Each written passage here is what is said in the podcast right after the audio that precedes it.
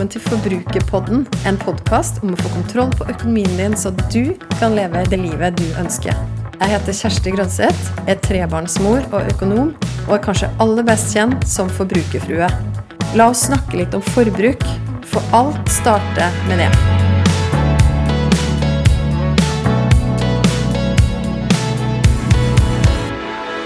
Nå sitter jeg her i hjemmestudio. Ja, hvis Mac-en pluss en mikrofon plassert på en benk i vaskerommet kan kvalifisere til å kalles et hjemmestudio, så er det der jeg sitter nå. Og jeg har lagd meg en god kopp kaffe, rett og slett bare for at jeg skulle få den følelsen av at nå skal du og jeg, du som hører på, og jeg, vi skal ta en kaffe sammen. Vi skal snakke litt om økonomi og noe av det som jeg brenner aller mest for. Jeg brenner for å hjelpe deg og inspirere deg til å ta gode valg med dine penger, sånn at du nettopp i ditt liv kan få leve det livet som du drømmer om. Dine prioriteringer, du vet hva som er viktig for deg, det er det alltid du som vet i din situasjon. Men jeg har lyst til å hjelpe deg å ta noen steg på veien, slik at du kan få mest mulig ut av pengene dine, og at du kan se at du kan få tro på at det med økonomi og penger, det er noe som kan gå fra å være stress og bekymring kilde til det til å bli et ganske så kraftfullt verktøy som gjør at du kan leve det livet du drømmer om, og konkret at du kan få det bedre, og at noen rundt deg også kan få det bedre fordi du prioriterer pengene dine som du gjør. Ok, så i denne episoden her så skal vi snakke om jeg skal gi deg ti steg til en bedre økonomi i 2021. Og det å gå litt sånn hardt ut Nå er det jo slutten av januar. Typisk en tid hvor tradisjonelt nyttårsforsettene våre, hvis du er en sånn type som setter deg gjerne litt ambisiøse mål i starten av året, eller du skal få en ny vane, et eller annet nytt, så er det på det tidspunktet her, tror jeg, at de fleste begynner å kjenne at oi, hvor ble det av den motivasjonen som jeg hadde så veldig da rett før nyttår og de første dagene i januar?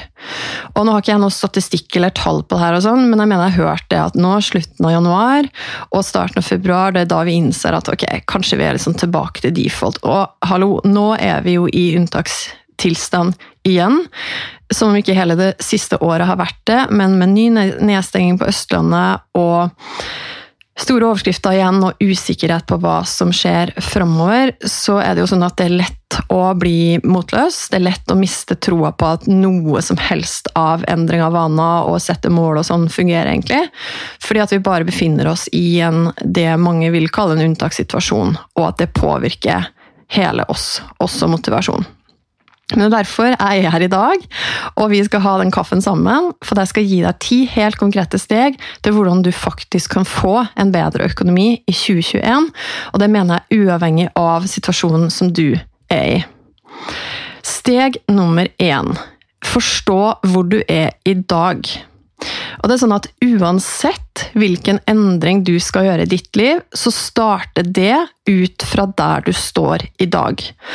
Og det mener jeg liksom uansett Nå snakka jeg akkurat med noen for et par dager siden som nå nettopp hadde mista jobben sin pga. den nye nedstengingen, og som da vanligvis kanskje ville blitt motløs, deprimert, men som nå satt og kjente på at vet du hva, det her skal gå fint, for jeg har faktisk kontroll på økonomien min. Men uansett om du er i samme situasjon, eller hvor du enn er, så er det sånn at alt starter med å vite hvor du står i dag, og finne ut av din økonomiske situasjon.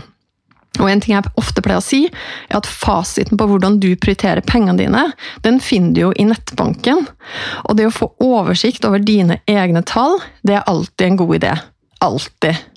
Ja, det krever litt jobb, men jeg har snakka med så mange bare de siste som virkelig har gått inn i tallene sine for 2020. Ja, det var et unntaksår, men likevel så har de fått seg noen aha-opplevelser på forbruket sitt i 2020 som gir dem ny motivasjon til å gjøre noe med det nettopp nå i år. Så det å gå inn i nettbanken, ta ut kontoutskriftene, ta ut alle transaksjonene for så mange måneder tilbake som du orker, for å få et bilde på hvor blir pengene dine av, og hvordan står det egentlig til, det er alltid en god idé. Men nå har jeg også tenkt å lære deg en litt annen måte å analysere deg sjøl på, som jeg syns er ganske gøy. Det jeg vil oppfordre deg til å gjøre, og hvis du har penn og papir i nærheten, Og da er det penn og papir, ikke notat på telefon eller noe sånt, nå, men, men penn og papir. Og da vil jeg at du skal sette deg ned og så skal du tegne opp nå snakker vi om økonomi, da. Så du skal tegne opp en dag i din økonomi, eller en måned i din økonomi. Hva starter det med? Det starter måneden kanskje starter med at du får lønna inn på konto, eller la oss ta fra lønningsdag til lønningsdag. Hvilke ting gjør du og så vil jeg at du skal sette opp litt sånn fra start til slutt, da, fra lønningsdag til lønningsdag. Litt sånn grove trekk. Hvilke ting gjør du? Eller du kan ta en dag. Starte med ok, du står opp, du sjekker saldoen i nettbanken osv. Så, så, videre, så går du gjennom dagen, og så kan du da tegne opp en hel dag. Lage deg en litt sånn historie. Prøv å tenke hvordan ser en dag ut i ditt økonomiske liv, eller hvordan ser en måned ut fra lønningsdag til lønningsdag for din del. Og så vil jeg at du skal skrive ned de stegene. Og under så vil jeg at du skal tegne en litt sånn følelseskurve. Hva føler du underveis? På starten av måneden og lønna er på konto. Ok, Kanskje et stort smilefjes. Da kjenner du deg kanskje glad, du har overskudd. Du tenker at nå er mulighetene mange for å gjøre gode økonomiske valg med de pengene jeg nå har fått inn, de jeg har jobba hardt for å tjene og få inn på konto. Og nå har jeg fått de inn, og nå skal jeg bruke de på best mulig måte. Du er glad, du er optimistisk, fyll på med de ordene og følelsene som du har. Og så går det litt utover i måneden, og så kan det hende at du må gjøre noen prioriteringer økonomien din, og så kan du reflektere over hva føler du da? Har du noen oppturer, har du noen nedturer i en typisk måned? Eller i løpet av en dag, hvis du tegner opp en dag i ditt økonomiske liv. Og så på slutten av måneden, da, hvis du tar en måned, innser at du begynner å gå tom på konto, og ops, hvor ble det av de pengene du skulle overføre til sparekonto på slutten av måneden? Må kanskje gjøre noen prioriteringer, overføringer fra bufferen, veit ikke. Hvordan føler det aktivitetene du gjør da? Og hvordan føler du deg på ulike tidspunkt, også når det begynner å nærme seg slutten av måneden? Jeg skal gi deg et annet eksempel. Jeg gjorde den øvelsen her på meg sjøl når det gjaldt våre logistikkrutiner i heimen. Og da tok jeg en dag. Fordi jeg gikk og kjente på at et eller annet er Det skurrer litt. Jeg får det ikke helt til å flyte. Og da var det sånn Står opp, lurer på hva barna skal ha på seg den dagen her. Ikke sant? Nå beskriver bare aktivitetene først. Og legge fram klær, finne fram klær, sjekke værmeldinga. Går på badet, skal vaske de, åpne skuffa for å sjekke etter håndklær. Sjekke at oi, der var det ikke så mange håndklær tilgjengelig. Løper ned i vaskerommet, henter håndklær som lå der og var reine. Går opp igjen. Ja, ikke sant? skjønner tegninga. Dette var min morgenrutine. Og så begynte jeg å analysere. liksom, ok, står, Hva føler jeg? Står opp, ja, føler meg ganske optimistisk. Ny dag, nye muligheter. Og så kommer jeg på at oi sann, jeg har jo ikke planlagt hva barna skal ha på seg. Jeg har jo ikke sjekka værmeldinga. Og da begynner liksom humøret å synke gradvis. Og da blir jeg kanskje litt frustrert. Og så oppstår det en konflikt mellom to av barna, og så går jeg inn der og så egentlig er stressa. Så blir jeg enda mer stressa for at de krangler, og så ja, jeg tror hvis du er i en noenlunde lik situasjon som meg, og har noen barn gjerne, så kan du kjenne deg igjen i en sånn morgen. Jeg gjorde en helt sånn konkret analyse av meg sjøl, og så kom jeg til at løsninga det har jo du klart å tenke ut for lenge siden, og det er jo ikke verdens mest kreative løsning heller. Det er rett og slett bare å få litt bedre flyt i hverdagen. Legg gjerne fram klær på kvelden, så de er klare. Ha sjekka værmeldinga. Ha fylt på den skuffen med håndklær, så du slipper å ta den ekstra turen ned de trappene til vaskerommet. Sånne enkle ting. Men jeg måtte faktisk innom det steget og analysere hva skjer egentlig en morgen i familien hos Kjersti. Og sånn fant jeg da løsningen. Og jeg vil at du nå skal sette deg ned og tegne opp de aktivitetene som skjer i ditt økonomiske liv, enten i løpet av en dag eller i løpet av en måned, og hvordan du føler deg på ulike tidspunkt i løpet av måneden. Eller dagen. Det er steg nummer én. Forstå hvor du er i dag. Steg nummer to forstå hvor du skal starte. Altså Basert på det du tegner opp, da, hvor smerte det. Altså Litt sånn som meg. altså Det smerta jo da for meg når jeg innså at oi, her har jeg ikke planlagt ting. Her må jeg løpe den ekstra turen ned i vaskerommet, osv. For din del i økonomien din, er det at du, når du nærmer deg slutten av ny lønningsdag, eller slutten av måneden, går du tom på konto hver måned da, før ny lønn? Er det det at du stadig må overføre fra bufferkontoen til brukskonto, at du føler at bufferen ikke vokser? Altså, Hvor smerter det for din del? Eller går du rundt i løpet av måneden og føler at du ikke har råd til ting, eller at du ikke kan unne deg ting, for du er ganske sikker på at du mest sannsynlig har gått over grensa for et eller annet, men du veit ikke helt, for du har ikke oversikt.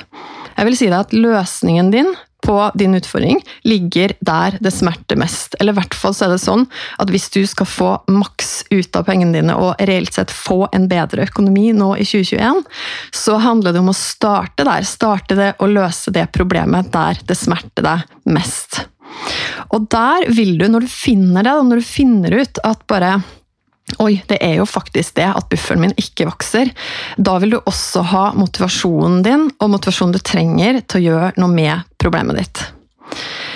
Jeg kan godt fortelle deg hvilken rekkefølge det er fornuftig å starte i hvis du ønsker at 2021 skal bli året der du tar styringa over pengene dine. Ja, det kan jeg, og aller først må du vite hva du eier og hvor mye gjeld du har. Og det er det, når man regner på det, tar alle eiendelene minus gjeld, så får man det vi kaller nettoverdi. Det har jeg snakka om før, men det handler om da hvor mye er du, jeg skulle til å si du verdt, du er uendelig verdt, deg i deg sjøl, men på papiret, da, med det du eier minus det du har i gjeld. Det gir deg ikke nødvendigvis det gir deg ikke et bilde på hva du har å rutte med. fordi at I teorien så kan du si at hadde du solgt alt du eier og betalt ned all gjelda, så var det det beløpet du satt igjen med, nettoverdien din. Men mest sannsynlig så har du ikke en plan om å selge alt du eier. Så derfor så er det ikke et godt mål på hva du har å rutte med. Men det sier noe om hvor sunn økonomien din er. Og det er også sånn at det gir deg en del informasjon. Fordi når du har satt opp den oversikten, og hvis den da viser at ja, du har null kroner på sparekonto, da trenger du en buffer. Du trenger et sikkerhetsnett, økonomiske muskler, noe som hjelper deg den dagen noe skjer, og du får en utgift du ikke hadde planlagt for. Jeg pleier å si at jeg tenker at alle trenger en krisebuffer på 10 000 kroner på en egen bufferkonto. Det neste steget det er å betale ned dyr gjeld. Og med dyr gjeld så mener jeg da kredittkortgjeld, forbrukslån og billån. Og der har jeg fått spørsmål fra flere de siste som lurer på hva de skal prioritere å spare. Eller om de skal prioritere å spare alt de kan for å betale ned kredittkortet, eller om de bør ha en buffer aller først. Og mitt klare råd der er å spare opp en buffer først. Grunnen til det er at Se for deg at du ikke har noen buffer, du har kredittkortgjeld, og så ønsker du å gå all in, og du selger ting, og du sparer, kutter ekstra på kostnader osv. for å få betalt ned det kredittkortet. Men hvis det skjer noe, da, mest sannsynlig så tar det jo litt tid å få betalt det ned hvis du har litt kredittkortgjeld. Hvis det skjer noe i mellomtida der, så hvis du ikke har en buffer, så er du nødt til å på en måte bruke kredittkortet kanskje som din buffer igjen, og da har du en litt sånn ond sirkel. Så derfor, ha en krisebuffer på minst 10 000 kroner i banken tilgjengelig til uforutsette utgifter. Og så, etter at du da har bygd opp krisebufferen, betalt ned den dyre gjelda, la oss si kredittkortgjelda, så sier jeg faktisk at klipp kredittkortet i to. Jeg vet at det her er litt ekstremt. Og ja, det finnes veldig mange gode grunner og fordeler med å ha kredittkort, og da tenker du helt sikkert på bonuspoeng osv. Men hvis du er litt grann som meg, så bruker du faktisk mer penger når du har kredittkort. Bare fordi det ikke kjennes så direkte på konto at pengene dine går ut når du kjøper noe, enn om du betaler med vanlig bankkort. Jeg vet ikke, jeg kjenner deg igjen i det? Hvis du faktisk hadde vært på kafé nå da, og tatt den kaffen face to face, så var jo det her det tidspunktet der du kunne fått lov til å si til meg at nei, vet du hva, det der syns jeg høres for ekstremt ut. Jeg tenker sånn her, og så kunne vi hatt en samtale om det, mens nå fikk jo du mer bare mine rene ord for penger. Og så kan jo du tenke hva det trigger i deg, og så kan jo du ha dine egne grunner til hvorfor du f.eks. velger å ha kredittkort likevel. Ok, det her skulle jo ikke bli en episode om du skal ha kredittkort eller ikke. Jeg bare sier at hvis det er sånn at du har kredittkortgjeld i dag, så kan det være en smart idé når du har betalt ned den gjelda, og faktisk kvitte deg med det. Yes, Vi skal gå videre til steg tre til hvordan du kan få en bedre økonomi i 2021. Det handler om å sette opp et budsjett eller en pengeplan, om du vil. Jeg vet at noen av dere liker det ordet bedre. Budsjett er litt sånn traust og kjedelig ord, men er ikke redd for å bruke det sjøl. et budsjett det er en oversikt hvor du forteller pengene dine hvor de skal gå. Og et budsjett det inneholder alt som kommer inn, og alt som skal ut. Det er ikke vanskelig å lage et budsjett. Nei, alt du trenger er egentlig en enkel mal hvor du kan putte inn dine tall. Og jeg er heller ikke av den typen som lager et detaljert budsjett måned for måned. Jeg lager meg et oppsett som representerer for meg en gjennomsnittsmåned, som gjør at jeg vet hvordan jeg skal prioritere og fordele pengene som jeg får inn. Selv om det kan variere litt, så finner jeg et sånn gjennomsnitt hva jeg må ha inn for å dekke levekostnadene mine. Hva jeg setter av penger til av type sparing, både langsiktig og til konkrete, litt mer kortsiktige drømmer. Og hva jeg da har igjen å bruke. Det er en så god følelse å være den som har kontroll over hvor lønna mi, den jeg jobber hardt for å få inn på konto, hvor den skal gå hver eneste måned. Og Jeg er også fan av å sette opp alt det her på automatikk og i et system som gjør at du ikke trenger å gå inn og lage et detaljert budsjett hver eneste måned. Du kan heller finne ut hva er en gjennomsnittsmåned, hvordan ser den ut for meg, hva ønsker jeg å bruke i en vanlig måned? Og så kan du heller, da, de månedene du vet at ok, hvis du har satt av 2000 eh, kroner i måneden til eh, feiring og gaver, så vet du at eh, neste måned da kommer det til å kreve at jeg bruker litt mer. Da kan du jo bruke litt mindre den måneden her, og så lar du det bare stå på den kontoen. Eller sånn som det er jo lurt å begynne å spare til jul 2021 allerede nå, selv om vi er i januar bare. Og da kan du lage deg en egen plan for det, og så setter du opp en fast overføring også til nettopp jul 2021. Så det er sånne småting du kan gjøre, som handler om å få alt på automatikk og lage et system som gjør at du forteller pengene dine hvor de skal gå, og at du ikke trenger å følge opp et detaljert regnskap når måneden er over. Det er jeg veldig fan av. Sett opp alltid et system, men et system som gjør det enkelt for deg å følge opp, enkelt for deg å se når og hvis du har brukt mer enn du hadde tenkt en måned, for at du skal kunne gå inn og gjøre de endringene du trenger. Og hele den malen, eller det hovedoppsettet oppsettet, det trenger du egentlig bare sette opp én gang. Og så kan du ta det opp igjen når du får endringer i inntekta, eller når du får store endringer i utgiftene dine. Ok, Er du klar for steg nummer fire? Det handler om å kutte impulsshoppinga. Og det også kan høres litt sånn kjedelig ut at jeg sier det. Jeg la ut en post på Instagram for eh, noen dager siden der det sto Overskriften på den var ti ting du kan gjøre de siste ti dagene av januar. Og punkt nummer én der var kjøp noe som gjør deg skikkelig glad. Og det var bevisst av meg at jeg hadde det som første punkt, fordi at jeg vil at du skal forstå at når det handler om å få kontroll på økonomien sin, så er det ikke nødvendigvis bare de kjedelige tingene eller de tingene og de stemmene som kommer inn og sier at ikke gjør sånn og ikke gjør sånn og tenk fornuftig og sånn og sånn. Nei, for meg så handler det også om å bruke penger, men å bruke penger på noe som faktisk gjør meg skikkelig glad, sånn som jeg skrev i den posten. Og det, jeg, det samme vil jeg for deg. Og da vil jeg at du skal bruke mer tid og krefter og penger på det, og finne ut hva som gjør deg skikkelig glad, istedenfor sånne uvaner som vi ofte får, og spesielt nå når vi er så mye hjemme. Sånne uvaner med nettshopping. Vet ikke om noen kan kjenne seg igjen i det. Gjør da det til en regel, og tenke når du får lyst på noe, til og med når du er inne på nettsida eller når du har kommet helt til handlekurven, stopp opp, og så tenker du at nå skal jeg faktisk vente et døgn fra jeg fikk, så noe jeg fikk lyst på, eller putta det i handlekurven til og med. Jeg skal vente et døgn til jeg kjøper det.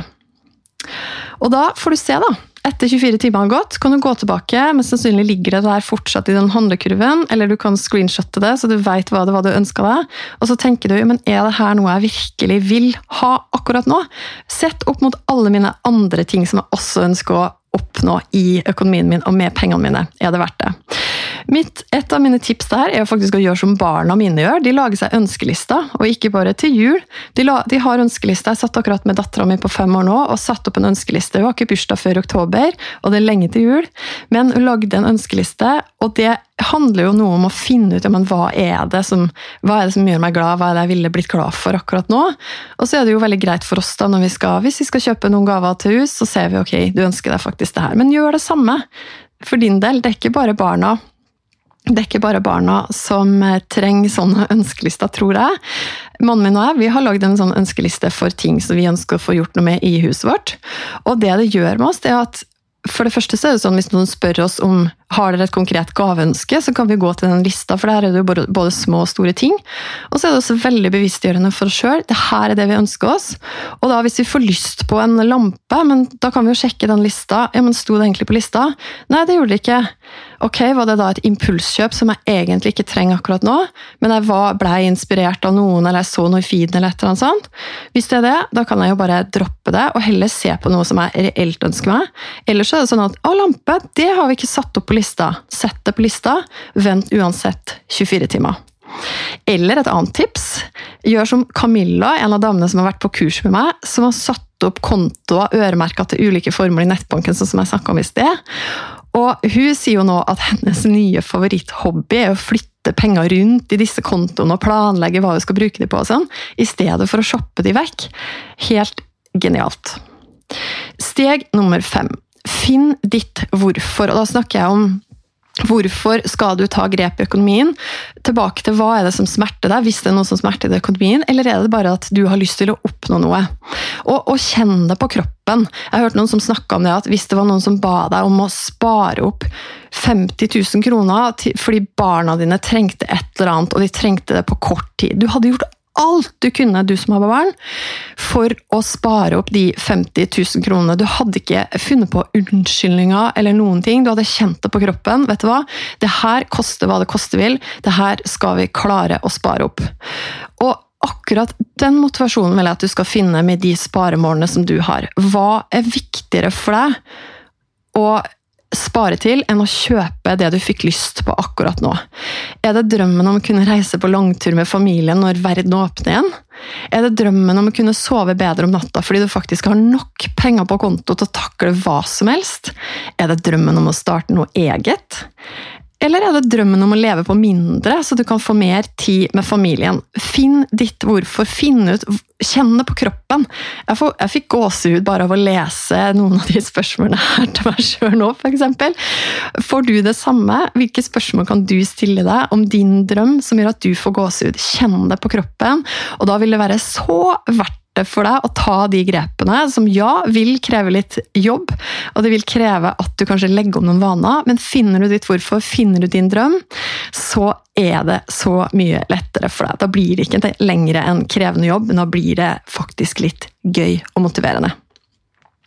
Steg seks til hvordan du kan få en bedre økonomi i 2021. Og det her er til deg som har begynt å investere og investere i aksjemarkedet. Har du investert i fond? Så det her lærte vi jo i 2020. At ja, markedet går brått ned, og det lyser rødt, og det er fristende da å få panikk og på en måte kvitte seg med de pengene fordi at man ikke ønsker å tape alt. Men du som investerer i aksjemarkedet, du har jo en langsiktig plan med disse pengene. Det her er jo penger du har sagt til deg sjøl at de trenger jeg ikke, i hvert fall ikke de neste fem årene. Kanskje ikke de neste ti årene heller. Så Derfor så har du planlagt at de pengene de skal stå der. Og Det er så mange eksempler, altså bare 2020, hvor markedet da snur brått opp igjen. Det kan jo være nyheten om vaksine mot korona, det kan være et avgjort presidentvalg i USA. Masse ting som også påvirker aksjemarkedet også globalt. Og det har vi ikke kontroll på, noen av oss. Sånn at poenget er ikke få panikk, bare hold deg til planen. Og ikke tenk på det heller nå i 2021, uansett hva som måtte skje. Ikke få panikk, men hold deg til den langsiktige planen. Steg nummer sju. Gjør de små valgene i hverdagen ja, her kommer litt de kjedelige greiene. Men jeg har lest en veldig bra bok som er anbefalt før, som heter Atomic Habits, av en som heter James Clear. Og han snakker om å bli forelska i det kjedelige, bli forelska i rutinene. Og det er en setning som jeg har tatt med meg veldig fra den boka når jeg får spørsmål fra folk, og jeg får ganske ofte det spørsmålet hvordan kan jeg spare penger på mat, f.eks., så sier jeg at jeg tror på to helt grunnleggende vaner som handler om å planlegge, og som handler om å prioritere. Og Det høres veldig kjedelig ut, og, det høres, og flere av dere har også sagt til meg at ok, kan du lære meg å spare penger på mat, men bare ikke si 'planlegg litt mer', for at det går ikke. Og Da skjønner jeg veldig godt hvor den personen kommer fra, som sier det, fordi at du står i en hverdag med med logistikk, og du har kanskje barn, og det er masse greier, og nå er det hjemmeskole og alt mulig rart å tenke på. Vi kan jo ikke bare planlegge litt bedre. Men vet du hva den gode nyheten er at det finnes verktøy som kan hjelpe deg hvis du ønsker å spare penger på mat, og som gjør det lett for deg å planlegge. Det finnes hjemlevering som gjør at du kan sitte der og taste inn det du ønsker å kjøpe. Da unngår du den impulsshoppinga som vi jo ofte gjør når vi kommer i butikken. Fordi du må holde deg til handlelista. Du putter jo alt på handlelista da, og så går du til handlekurven, og så bestiller du det, og så får du det. Og hvis du bestemmer deg da for å gjøre litt det samme, gå gjennom når du har lagt alt i handlekurven, gå gjennom tenk hva det her, alt, trengte jeg alt det her nå? Hvis svaret er ja, da går du videre og kjøper. Hvis svaret er nei, det var kanskje noe jeg heiv inn litt på impuls, så kan du ta det ut før du da bestiller. Og det er jo, vil jeg si, den enkleste form for planlegging, eh, fordi mat det må vi ha uansett. Og ja, det er kanskje litt dyrere å kjøpe maten på den måten, men jeg tror du vil spare på det, i hvert fall hvis du er sånn som meg i perioder når jeg går veldig mange ganger i butikken. Hiver med veldig mye mer enn det jeg egentlig hadde tenkt, og så blir det dyrere uansett. Og Det samme gjelder prioritering. altså Tenk gjennom hva er det som er viktig for deg å ha i kjøleskapet, fryseren, skuffa, alltid, også nå. Tenk gjennom det. Hva trenger du for å ha en god dag på hjemmekontor? Du som har det, de fleste av oss. Du Legg det heller da inn i handlelista, sørg for at det er i hus, og så får du dekket de behova. Du får lagd deg en fin dag. Og jeg tror jo på at det handler jo om å ha den kosen som du trenger tilgjengelig også. Men poenget er at når du har prioritert noen ting, så skjønner du også hva det er som ikke er viktig for deg å ha. Hva som ofte blir liggende igjen, og som er litt sånn som du ender opp med å stadig kjøpe, som gjør at du da bruker mer penger enn du egentlig trenger. Finn ut hva du ønsker å prioritere. Gjør gjerne litt forskjell på hverdag og helg, sjøl om det er unntakssituasjon. Spar noen ting, kosen til helga, sånn at du kan glede deg ekstra til da. Og det vil også være bra for matbudsjettet ditt og lommeboka di. Greit. Steg nummer åtte. Finn en måte du som er i et forhold, å snakke med partneren din om økonomi på. Altså Det finnes studier som viser at folk syns det er mindre skummelt å snakke åpent om sex enn om økonomien sin. Og syretesten, som jeg har hørt, er jo ofte altså For det aller første, tør du å gå inn i din egen nettbank og, og bli konfrontert med din egen sannhet på din pengebruk? Det er jo første spørsmål. Så neste er jo tør du å vise det til partneren din. Og for mange så kan jo det være et steg, og det vet jeg sjøl fra vår erfaring òg, i perioder der vi ikke har vært så tett på vår egen økonomi eller hverandre og økonomien, så blir terskelen veldig mye høyere for å snakke om okay, hvilke valg har jeg faktisk nå tatt med pengene mine. Så jeg pleier å snakke veldig varmt om eh, det med å ha økonomidate. Og det trenger du ikke å, ha, å, være et forhold for å ha. Det kan du også bestemme deg for å ha med deg sjøl. Og hva er en økonomidate? Jo, det er noe du legger inn i kalenderen, gjerne en gang i måneden. F.eks. første torsdagen hver måned der du setter deg ned, enten med deg sjøl eller med partneren din, og går gjennom hva skjedde egentlig forrige måned, og hva, hva har vi planer om framover, og hvor er måla våre? Og hvis du ser da at ok, vi akkurat nå så ser det ikke ut som nå har vi brukt mye mer enn det vi hadde tenkt, så ser det ikke ut som vi er så godt rusta til å skue nå målene våre framover. Hva må vi da gjøre? Må vi legge om kursen? Må vi sette i gang noen små tiltak? Endre litt på prioriteringene i hverdagen, sånn at vi kan justere oss inn mot å kunne nå de målene og de drømmene som vi har. Det starter med å sette det inn i kalenderen også, gjerne en gang i måneden. Gjerne første torsdag i måneden, det er lett å huske. Og inviter deg partneren på date, og det er en date, det er ikke et styremøte, som mannen min anklaga meg for de første gangene vi hadde økonomidate. Det er en date, det skal være noe godt i glasset, det skal være noe godt å spise, gjerne litt levende lys, gjør det hyggelig, og sett økonomi på agendaen. Steg nummer ni til hvordan du kan få en bedre økonomi i 2021. Ikke sammenlign deg. Jeg vet ikke hvor mange ganger jeg har sagt det her, enten på podkasten eller på Instagram eller andre plasser. Og det er så mye lettere sagt enn gjort, men det gjør det ikke mindre viktig. Ikke sammenlign det andre har med det du har. Og ikke sammenlign dine mål med noen andre sine mål. For vet du hva? Du har det beste utgangspunktet for å gjøre noe med din situasjon, uansett hvor du står.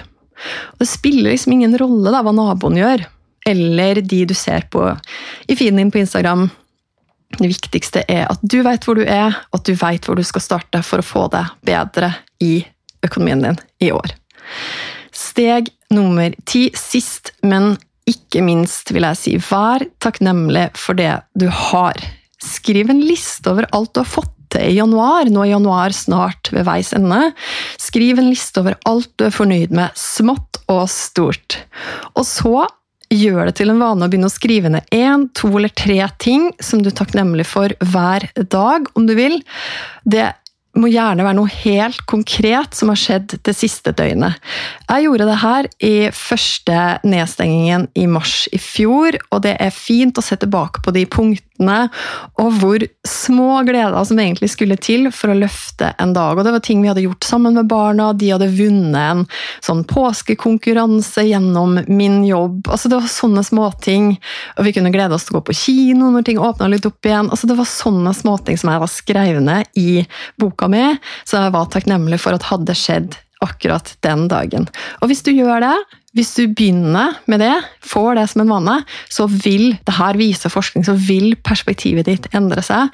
Du får det bedre, du blir mer fornøyd, du skjønner at du er kanskje rikere enn du tror, bare basert på alt det du har å være takknemlig for. Og jeg tror også at det er det beste utgangspunktet for at du skal kunne ta noen helt konkrete steg i økonomien din, om det handler om å betale ned gjeld, bygge buffer raskt, eller om du skal kaste deg uti det og begynne å spare eller investere i aksjemarkedet i år. Egentlig hva som helst som du skal ta av nye steg i økonomien din. Hvis du starter ut fra et utgangspunkt at du setter deg ned og tenker gjennom hva er jeg takknemlig for, hva det jeg har, hva det vi har i vår familie som er bra, så vil det være det aller beste utgangspunktet for å kunne ta noen utrolig bra steg med pengene dine i 2021. Og jeg heier på deg. Jeg er her for deg og kommer til å være her. Jeg er bare en melding unna. Du kan sende meg en mail på heietforbrukerfrue.no. Send meg en melding på Instagram. Og du, hvis du likte denne episoden, her, kan ikke du ta og gi den noen stjerner og en kommentar i der du hører på podkast? Det hadde jeg blitt veldig glad for. Og så gjenstår det da bare for meg å si takk for nå, takk for kaffen. Det var veldig fint å dele denne drøye halvtimen med deg. Og så vil jeg at du skal vite at du har det som skal til for å ta de stegene du trenger å ta for å få en bedre økonomi i det året som fortsatt ligger foran. Jeg vil gjerne vite hva du tenker etter å ha hørt episoden. Så koble med meg på Instagram. Der finner du meg som forbrukerfrue. Send meg en melding. Tagg meg gjerne i Story og del episoden her hvis du likte den. Eller send meg spørsmål. Og husk å abonnere på podkasten Forbrukerpodden, så får du beskjed hver gang det kommer en ny episode. Vi høres!